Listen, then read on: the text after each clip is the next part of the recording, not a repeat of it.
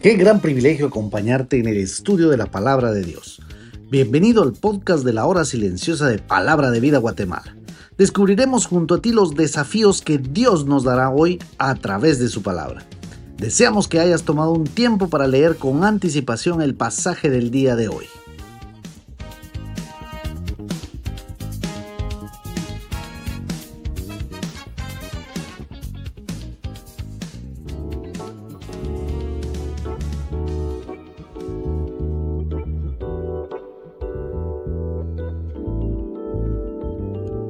Y que no haya entre vosotros divisiones, sino que estéis perfectamente unidos en una misma mente y en un mismo parecer. 1 Corintios capítulo 1, versículo 10, parte B.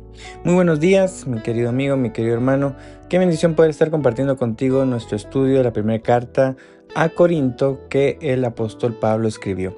La semana pasada estuvimos estudiando la carta de segunda de Pedro Vimos también Salmos capítulo 22, 23 y desde ayer empezamos en nuestro podcast Primera de Corintios. Te saludo Héctor Salazar y el pasaje en el que hoy voy a basar este comentario está en Primera Corintios 1 del versículo 10 al versículo 17.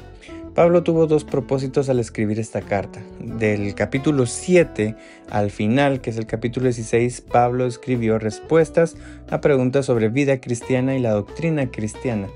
Pero desde el capítulo 1, que ya comenzamos hasta el capítulo 6, Pablo escribe para reprobar a los corintios por los escandalosos pecados que se estaban permitiendo en la iglesia.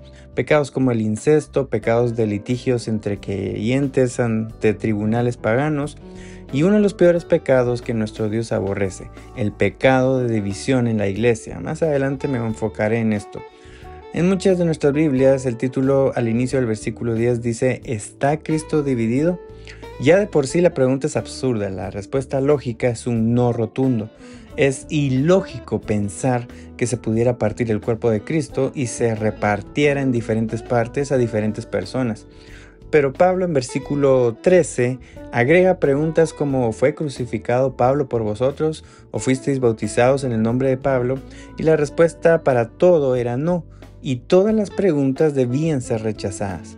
Si lo relaciono esto con el versículo 12, no es que una parte de Cristo se le dio a Pablo, otra a Apolos, otra a Pedro, pero al escribir Pablo estos dos versículos, muestra que la naturaleza humana tiende mucho a seguir líderes humanos y así se logra perder de vista el seguir a Jesucristo. También muestra que Corinto no pudo unirse en un solo mensaje, sino que se dividió por seguir a los mensajeros. El teólogo Warren Wiersbe explica que tal vez Corinto quiso ver el Evangelio desde un punto de vista filosófico porque en esa ciudad habían muchos maestros y filósofos y todos ellos querían compartir entre comillas su sabiduría. Lo que sí es que en medio de todo esto quiero destacar a los de la casa o familia de Cloé, que menciona el versículo 11.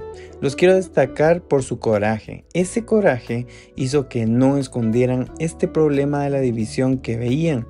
Ese coraje se convirtió en una carga, en un peso para ellos y lo quisieron solucionar, abocándose a quien correspondía comentarse lo que era Pablo y no tuvieron temor de decírselo y me parece que mucho menos tuvieron problema con que él los mencionara al escribir.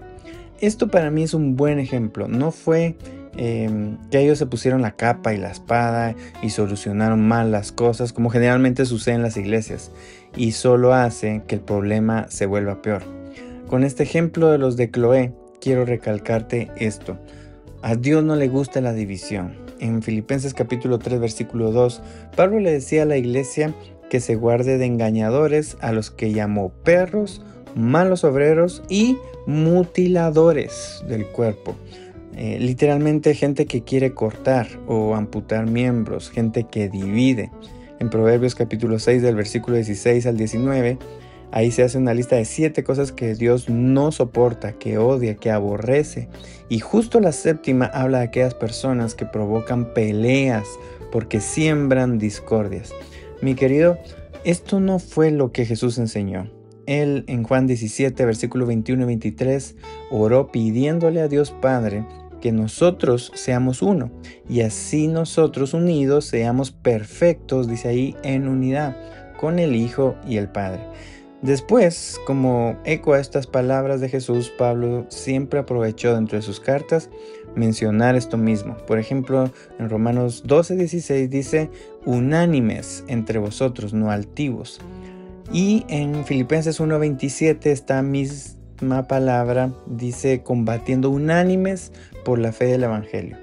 Pedro también, en 1 Pedro 3:8, dijo, ser todos de un mismo sentir. Siempre tiene que prevalecer la unidad y no la división. Por eso, vívelo. Lo peor que podemos hacer en la vida es ser iniciadores de división en la iglesia o parte de. Es cierto que no hay iglesia perfecta, es cierto que no hay líderes, que no hay hermanos perfectos. Claramente vemos esto desde la época de Corinto.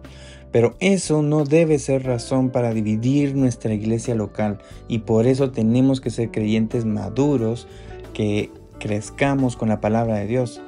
Problemas hablan muchos y claro, para comenzar la iglesia está compuesta de pecadores, pero no hay problema que no se pueda solucionar con la Biblia. Tú, mi querido, nunca llegues a ser alguien que divida a tu iglesia. Y si ves a algunos con esta intención, no seas parte de ellos y ora por el liderazgo de tu iglesia para que ellos solucionen el problema bíblicamente. Nunca te atrevas a provocar una división en tu iglesia.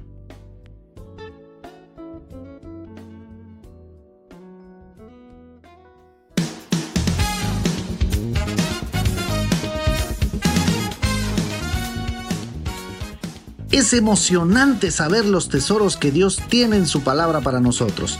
Ayuda a tus amigos a que descubran la voluntad de Dios para su vida. Comparte este podcast con ellos. No olvides seguirnos en nuestras redes sociales.